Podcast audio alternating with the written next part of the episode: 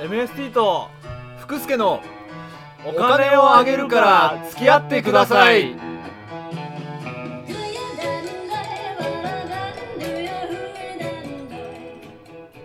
さあというわけで始まりました始まりましたねえー大塚ニューコープのラジオコンテンツですけれども、はいねお金をあげるから付き合ってくださいえー、始まっちゃったよお金をあげるから付き合ってくださいっていうのもあれだ ね露骨ですけど露骨にも程があるけどね、うんうんちょっとまずはね自己紹介とかから自己紹介始めしまるのがしょうねか筋だと思いますよ、はい筋を通しましょうそれどうしましょうえー、っと私が、えー、福助です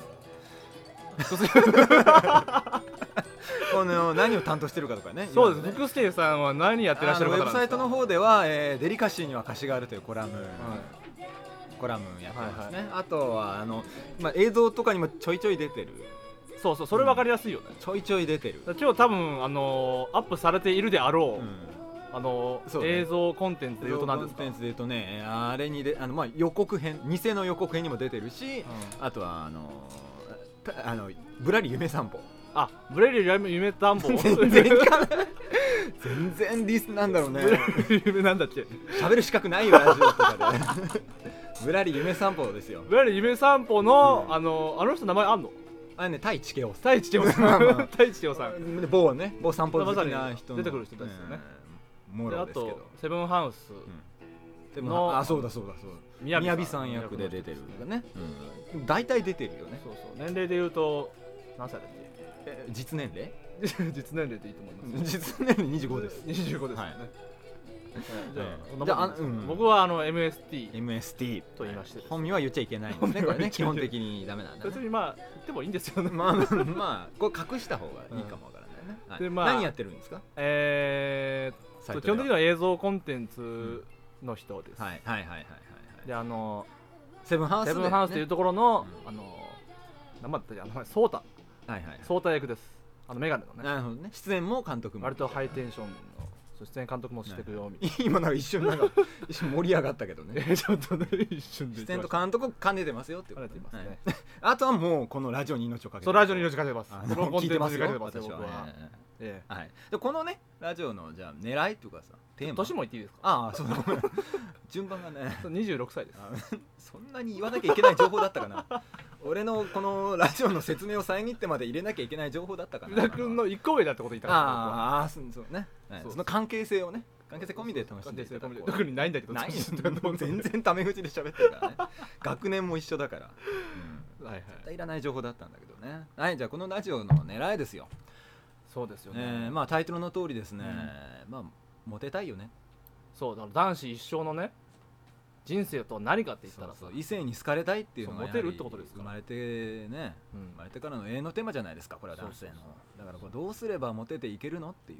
それについてガンガン行こうぜっていうねねそれをこうモテの伝道師、 うんでも何でも ない、我々がうん、どっちかというとモテたいですっていう方がそうそうそうだから側だかどら、っちかねっ、ていうとあのーリスナーの人たちにね教え教をえてほしい超えたいっていうことなんだね、だかうらそういうメールも今後ん、バンバンバンバン募集してどしどし全然逆に僕らが募集してなくてもお前らこれだからモテないんだっていうことをこのあもうそうだねね聞いていただい指た上で摘したい指摘されたい指摘していただいても全然ねありです伝道されたいしですから我々はされたいですねどっちかというとね はいこれあのこういうテンションでいいのなんかどなんだろうねあのテンション低いのか高いのかさうんちょっと僕らもねうんまあ探り探りですかだらそうだねまああの緩く続けていきたいっていうの がそう当初の念願だからね、うんあだからある意味ねこれ初回を聞いたことで、うん今後聞きたくない人もいるかもしれない まあそれしけどょうもがないよねあの去る者は追わないっていそう うだねうん方向性でいきますよついてきてくれる人だけをうんの手を引いて抱きしめますよ私はでもね僕はまあ多分これどんどんどん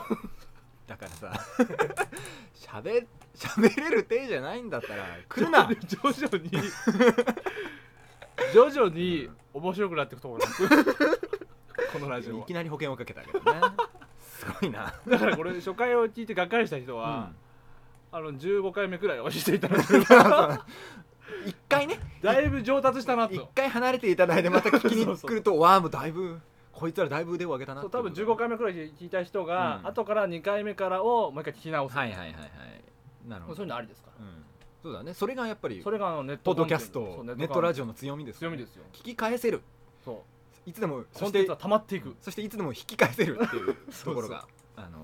うまみですからから僕らこれ言ったらね残りますから、そうだねね発言責任みたいなのありますよはああじゃあそこはぜ決ひしてあの言い間違えたりうんしてはいけませんよ噛んだり言い間違えたりそう漢字を読み間違えたりしてはいけませんよはわかりましたあの、まあ、ペナルティ作ろう今後 なんか言い間違えたりなんだりっていうのはね、そうだね、うん、それでやっていきたこいれ iPod で聴けるやつだ、ね、 iPod でも聞けるそうそうだからポッドキャストなんだかいまいちよく分かってないんだけどねポッドキャストっていうのはあ何なのかうん、とりあえずみ耳元でみ皆さんの耳元で聞けるようになりこれだますからよあっていう仕組みらしいのーよ、毎週やるから、月曜日の朝うんうんには、あのポッドキャストを入れて僕らのラジオ聞いて通勤してほしい通勤してほしいしようね、んそう僕らが今普段やってるようにに、ポッドキャストをね活用していただいてうんポッドキャストの宣伝みたいにな ってる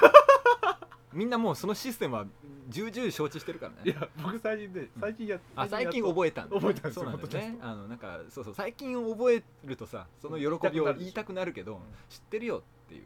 うのあるから、うんいうんそう聞いあているまいちその喜びを共有でバきないナんだナマンよねとかさうんバナナマン爆笑問題とかはい聞いはいてはい楽しいねなんかねいい爆笑問題いいと思い毎ます週30分以上あんだけどさバナナマン15分くらいで終わったりするのああそうなんなんだろうねあれはね30分持たせるのは大変ですよ本当に、どうでもいいですかこの 話うんどうでもいいと思うよ、うん、だからモテていきたいっていういきましょう話ですからいやーモテていきたいね それで間をさあのもでもこれ内容放に送事故とかないかうらないからねそうだね別に黙っててもいいんだようん僕たち全然だまだなんていうの沈黙が訪れることは全然うちも怖くないようん、もうすごい慣れたねあのー恋人同士のようにそうね全然ラジオで、なんか来てます30分持たなくてもディレクターの方からはい、じゃあねそろそろコーナーっていうのをね、はい行きたいと思うんそうそうでね、ラジオコーナーやっぱねですかラジオそうそうあの いつまでぐだぐだフリートークしてるわけにはいかないそかうらそうそうえーコーナーに行きたいと行き思まいしょまうす行きましょうさあそれではまず一つ目はのいコーナーは何でしょうか、コーナーどうぞ今週のモテ男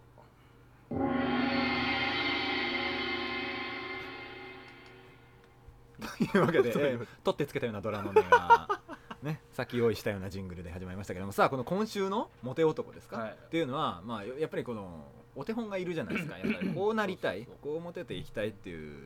のね、まあ、ぜひですね MST さんにですねあの持ち込んでいただいて、うん彼にモテを学ぶべきだというのをねぜひねお教えてほしいそそしてじゃあなんなんでこいつはモテてるんだっていうのをね、うん法則性を見出していきたいとやっぱうり分析ですよ分析したいよね分析することアナライズですよ、ねアナライズちょミっと俺も今言おうとしたなんだって危ね危ね今俺それ言おうとした言おうとしたアナライズ言おうとしたいやーそうそうま危あなかぶかっってたもかぶるとこだったら今でも全然いいと思いますけ どねかぶっていけばいいと同じことを2回繰り返せばいいと思いますけ どね、なんで突然今何やりなが ら藤田さんうん、それぐらいのスタンスでいきたいなっていう望みですよさあじゃあじゃあちょっといるんでしょそうだから今週のモテ男ですよ今週のモテ男いたんでしょ基本的にねやっぱ時う流にんね乗せてればラジオだから行はかいはいなといはいいけないってことでその週にねそうあった人うんこんな人も落ちてますニュースになったね人ね今週で言うところと言うとあのうんー誰はちみつ二郎がねうんモテましたねモテてないですね 別れたよね 別れたんですよ別れた方でし ょそれまあでも彼はあれでしょ日本一モテるデブっていうのをデブ自称してるわけですからそうそうこれ学ぶところこれはあ学るぶとでしこょあるでしょそれは、と思ったんですようん、そうそうそうだってね青い空と付き合ってたわけだから青い空と付き合ってるっていうのはそれはあのモテる指標になるんですか ねそもそも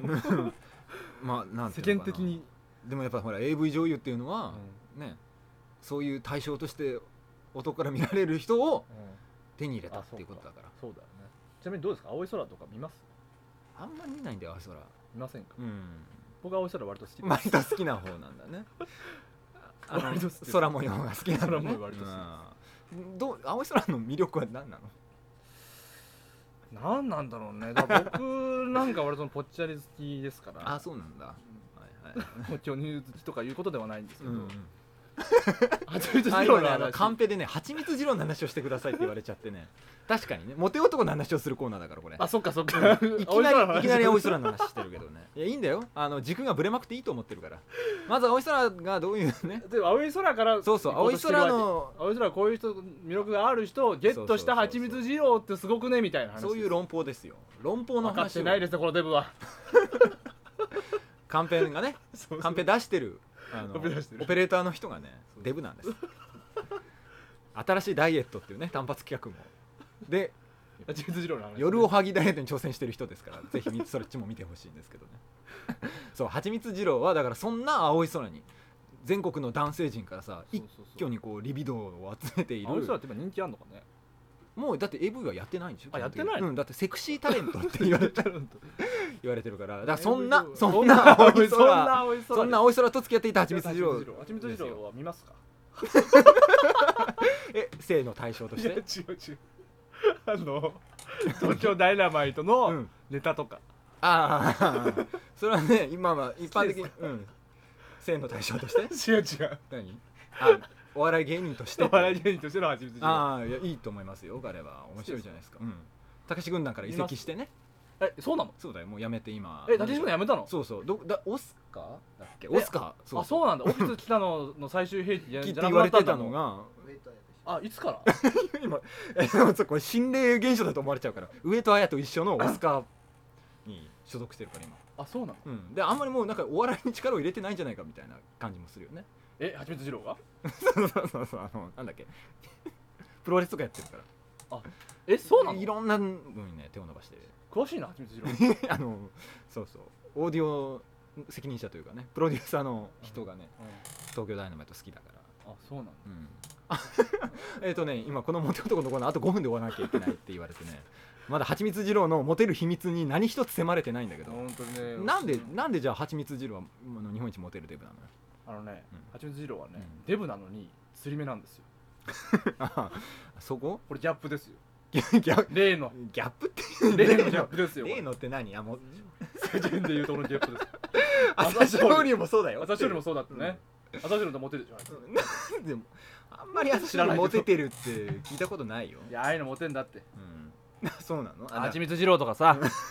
朝青龍とかモテんだ聞いてよる人今急に声大きくなったからびっくりしちゃうよびっくりしちゃうよだあのデブなのに釣り目っていうギャップギャップってそういうんじゃないじゃないの場合によって使い分あけとてデブなのにファだーっファー朝青龍もファーしてあのファー来ってて言るうでしょ言うでしょファーってお本釣当だり本目当でだすよあ朝青龍デブがモテテるキーワードこれそれメモっといてこれあ俺がモテる3倍朝青龍はモテてんのかなそうそうだからリスナーの人もこれじゃあデブの人がいたらねもしうん釣り目にしてくださまいず釣り目にまず整釣形しり目にしててくださいファーの服を着ようファーの服でもうフめァー付きのコートを着ればいいのかな間違いねえなそうなのかはちみつ見た目のギャップはさ そんなんいくらでもあるよねだってだってあとなくね別に知らないじゃんはちみつ二郎はちみつ二郎のことについ てねそうだよねお東京ダイナマイト割と好きなんですよん俺も好き DVD 持っってるくらいですあ一のあーそうなんだなるほ ど個結構面白いですよそれはねみんなご存 知だよはちみつ二郎が面白いのはみんなご存知だよはちみつ二郎の話をこれぐらいしますかじゃあそうなんだねはいあともう一人気にな ってるもう一人気になってるもう一人誰かいあいるの松田龍平あーそっか松田龍平持っもてたでしょ今週はでき婚結婚でき込んだもんでき婚でね話題になったからねあのー松田龍平誰だっけ相手の人えっとね太田里奈だっけなんかモデルの人だよねファッションモデルの知っ人てる大田里奈あんまり知らない何の人モンノの人えモンノとか女そうい性う誌人じゃ系のファッションモデルだよないねねうちのスタッフは誰も知りません、うん ね、そういう の女女であるっていう情報が来たけど、うん、分かってる分 かってる聞いたよカンペで改めて女って教えてくれたんでカンペ役立たないなこの番組のカンペはねえぐれないでうちのデブはさ、うんいやだからでもなんていうのかなうん松田龍平もちょっとあ釣り 目だ違う、違う違うそこんなこと言いたかったんじゃなくて松田龍平は割となんていうかこうサブカル系のさ文化系男子的な感じでモテる感じでしょ、でファッションモデルってさ、あ相手の顔見たあの人ちょっと見たちょなっと見たあのなんかいいわゆる男目線でのモテる女じゃないじゃな い綺麗綺麗だな可愛いっていう子じゃないじゃんあーあそうだねだから女スタ性イフルァはッいいションけ誌どの女の子が好きそうな顔そだうねそうそう、どっちかっていうとねあのー、割とこうトンキョな顔になってくじゃないうんファッションモデル女性誌で女の子にモテるうんモデルの子って大体顔がね爬虫類系だったりだ例えばうんなんだろう量量ごめんね古く て 量例が古いけど量ってもう40近いよねね多分量みたいななんなんだろうすごい尖った顔って結構いない、ああいるかもうん、でああいあうーそういうねなんかスタイリッシュっていうかさそういう子を選んじゃうあたりあのがあれだねあの押し切り萌えとかも爬虫類系だねあえ違う誰押し切り 萌え 星系は爬虫類系かなうんだまあいいよ爬虫類系だなぜ投げたんだ今投げるぐらいいきなり 君集中力途中で途切れるよね そんなことはないよ突然そんなことはないい やいや 押切萌えの顔がね一瞬分かんなかっただけなの 押し切りも爬虫類系でしょ割とね要素がソリッドなんだよファッションね、だからそういう人を捕まえる松田龍平 それモテてるとかじゃない、ん松田龍平分析じゃない、うんただのそうそうそういう人を選んだんだな松田龍平はって評判いいですかね周りの女子に俺あんま松田龍平好きな女って見たことないけど気持ち悪いっていう声はよく聞くよね松田龍平好きあうちの女性唯一のこの場にいる女性一人いますけどほんとなんかセクセクシシーだーなん何がセクシーなんですかねだねね松田龍平の、うんいやだからやっぱ風合いだよ顔自体の顔の造作自体はな んか冬場冬場冷水浴びで凍ったみたいな顔してるじゃないどどんな顔なのそれピシピシに張り付いた顔してるでしょでもやっぱりこう役者としてのオーラですよあー父やっぱ役親者がモテん譲の役者がモテんだよ結局それ 役者がざっくりまとめたね ざっくりしたセーターだね俺のセーターの話 別に役者だからモテるっつったら全員モテますよそんなの役者モテるよ役者にならよかったないいんだよ今からも目指したっていいんだよ 今から目指したっていいんだよいいかいうん目指さないはい あのね、はいもうというわけで、はいこのコー松ナ田ーこんなもんでいいんでしょう かこれねもう少し予備知識を得ておくべきだね蜂蜜量のことも松田龍平のこともあまり知らなかったねうんだからそうだごめんネットで調べるとかそういうことしようと思ってたんだそうだその場でネッめトで調べられるシステムをさもう少し導入しようよ、そうだようん、2人だけじゃ何もできないよやっぱ紹介テンパってんだ俺たちな しょうがねえよこれはいはい次のコーナーちょっとねということで次のコーナ見てーください行こうと思うんだけどはいはい、じゃあそれではねえっ、ー、とこんなまるまるはモテない ちょっと待ってください、うん何何えーの今ねタイミングいかがだったですか今の今ね うちのジングルが先走った可能性が否めうないちの SE 陣もですねちょっとまだ、ね、頑張ってますねまだまだ分かってない紹介、うんうんそうだね今今ね俺も何とかふわって入っちゃった しそれに慌ててジングルもちょっと早めに入っちゃったしタイトルコールにも「えーと」って完全に言った けれどもね「えーと」まで含めてコーナータイトルにしましょそううでじゃすあ、ねちょっと聞いていただいてましたかね今の言葉は 聞き取れましたかね どうやったかなこんなまるはモテないと言ったんです今そうですそうですんはいこれはねあのほらラジオ番組ら しくメールでお題をうん募集しようっていそううそうコそうーナーですよおまあ大喜利みたいなコーナーだよねそうだねこんなまるまるはモテないいはいはいいはい決まりましたでただのいじめですか今のうはんどちらかという本と当ですよねじゃあこんなまるはモテないとうんいうのを、えーメールで募集していきたいよね、はいっていうコーナーです、そうそうそういう双方向通信ですうん、そう骨通信ですだから要するにほらモテる男の規則性をさ、うん見出すためにはまず消去法でそうそうそうそうこれはダメだっていうのをやらないっていそううそういうのやめそうそうそれ大事ですよ普段ねもしかしたらね、うん僕らも普段気づかないうちにモテない行動してるんですよしてますよ夢夢してますよそうそうだからそんなのやめようとだから逆にやめていこうっていうモテる方向で行きたい、うん僕たちもねそれを指摘してもらおう指摘してもらおう、というコーナーです、はい、例えばっていうのをね例えば例えばっていうのはじゃあままず初回だから 例えばっていうのをそう例えばというと今回はね、うんいろいろまあ初回なんですけどもいろいろ、うんまあ、例えしてばますあれだよねその職業だよねまずね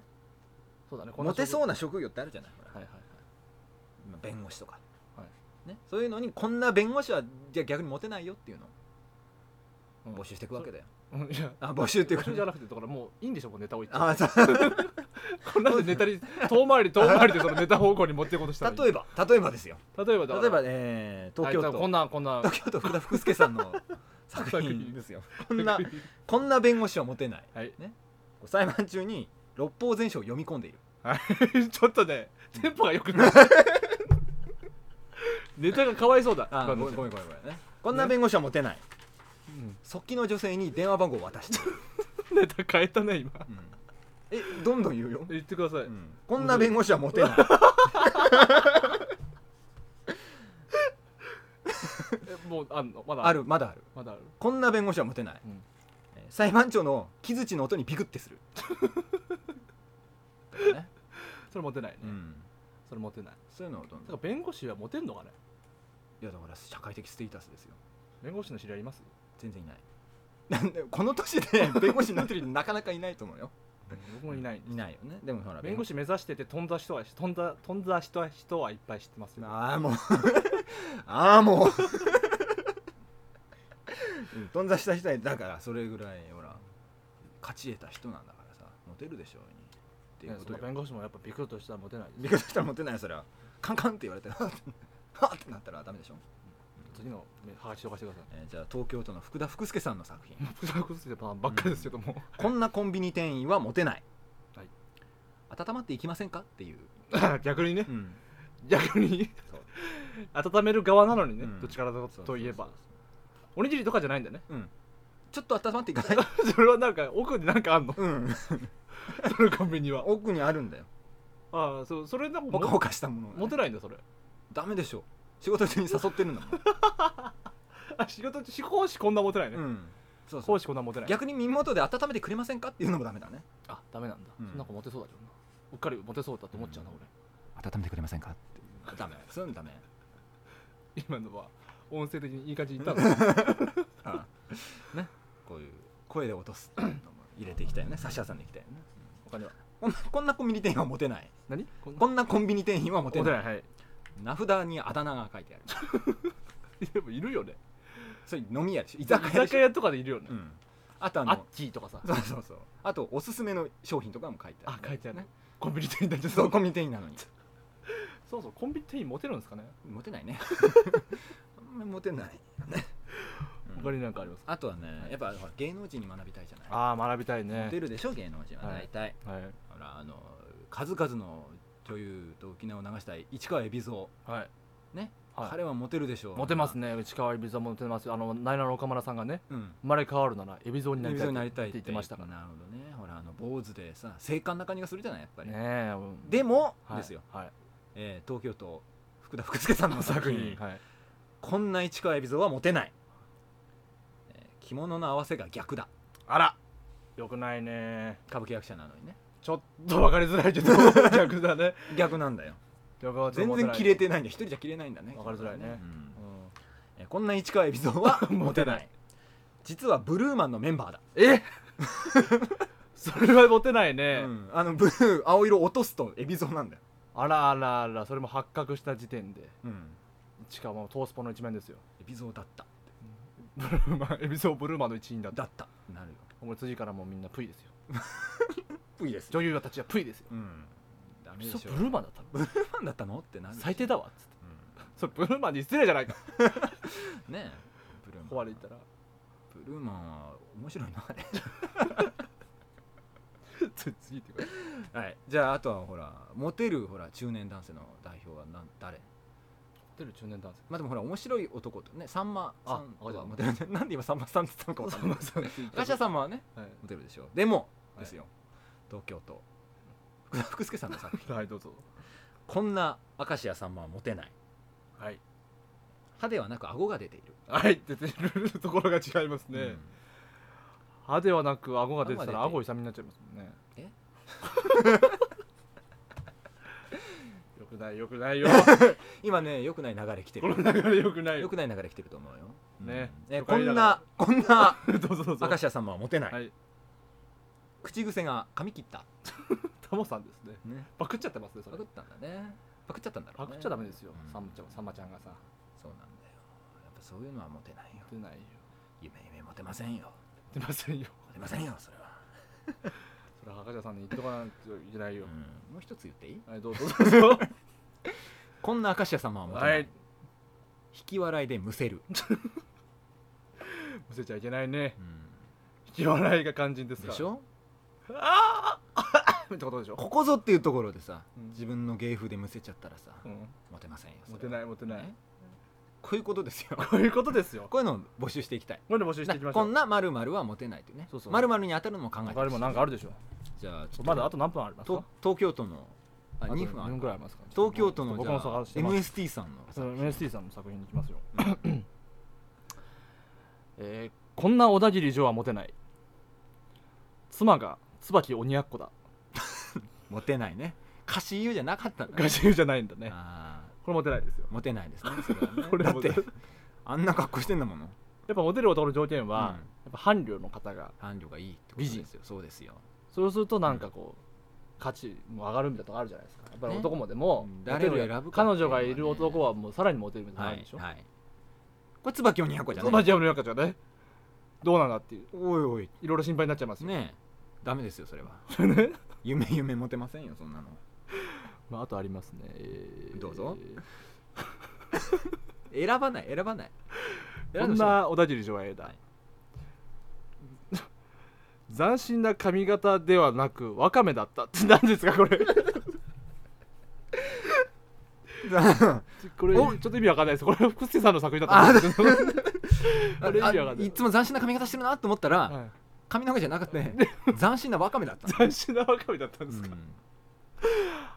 なるほどねうん髪型じゃなかった髪じゃなかったうんだ、ん君どうして自分が理解してないネタを読み上げるのかな あ といや初めて見たから、ここんな小田切女は嫌だっつってたかれらはいねはい はいモテないじゃなくて嫌だっつってたから今そうそうそうそう、うん それ鉄拳になっちゃうからね気をつけてパクリって言われたらもうおしまいだからねこのラジオあーでもこんな感じでねこんな感じでネタを募集していきたえい、ーネタね募集していきたいな多分これブログであのそのポッドキャストで更新されてるから、メールフォームがあるはずですからえブログで何ブログからそのポッドキャスト何行くシステムなのこれそうそう取れるっていうことになってるからそうなんだメールフォームからはいぜひこれネタをね、はいうん最初のうちはぜひ大塚入高校のメンバーの方募集していま す、ぜひですねね、ぜひ投稿してきてください、えあとはあの知り合いの方ですねそうですね、 お友達はい、どんどんじゃんじゃんどんじょんじゃんじゃんね 投稿していただけ僕れらば寂なと思しいがますりですんでいはいそうですね、こはういいう感じでいきたいみなたい思なと思いいますますこれこんなのもあるということでねね今後頑張っていきましょううんじゃあちょっとこれでね 第でけえよでけえよ こんな感じで第1回いろいろグダグダですよもう第1回こんな感じでお送りしてきたんですけいどいんじゃないですかでもまあまあねまあこまっからなんていうのかなあの底辺から 上がこっからもう上がっていくしかないっていうのがあいいじゃないですかどうですかプロデュー サ偏差値30からのーお蔵入りだ偏差値30からのラジオ番組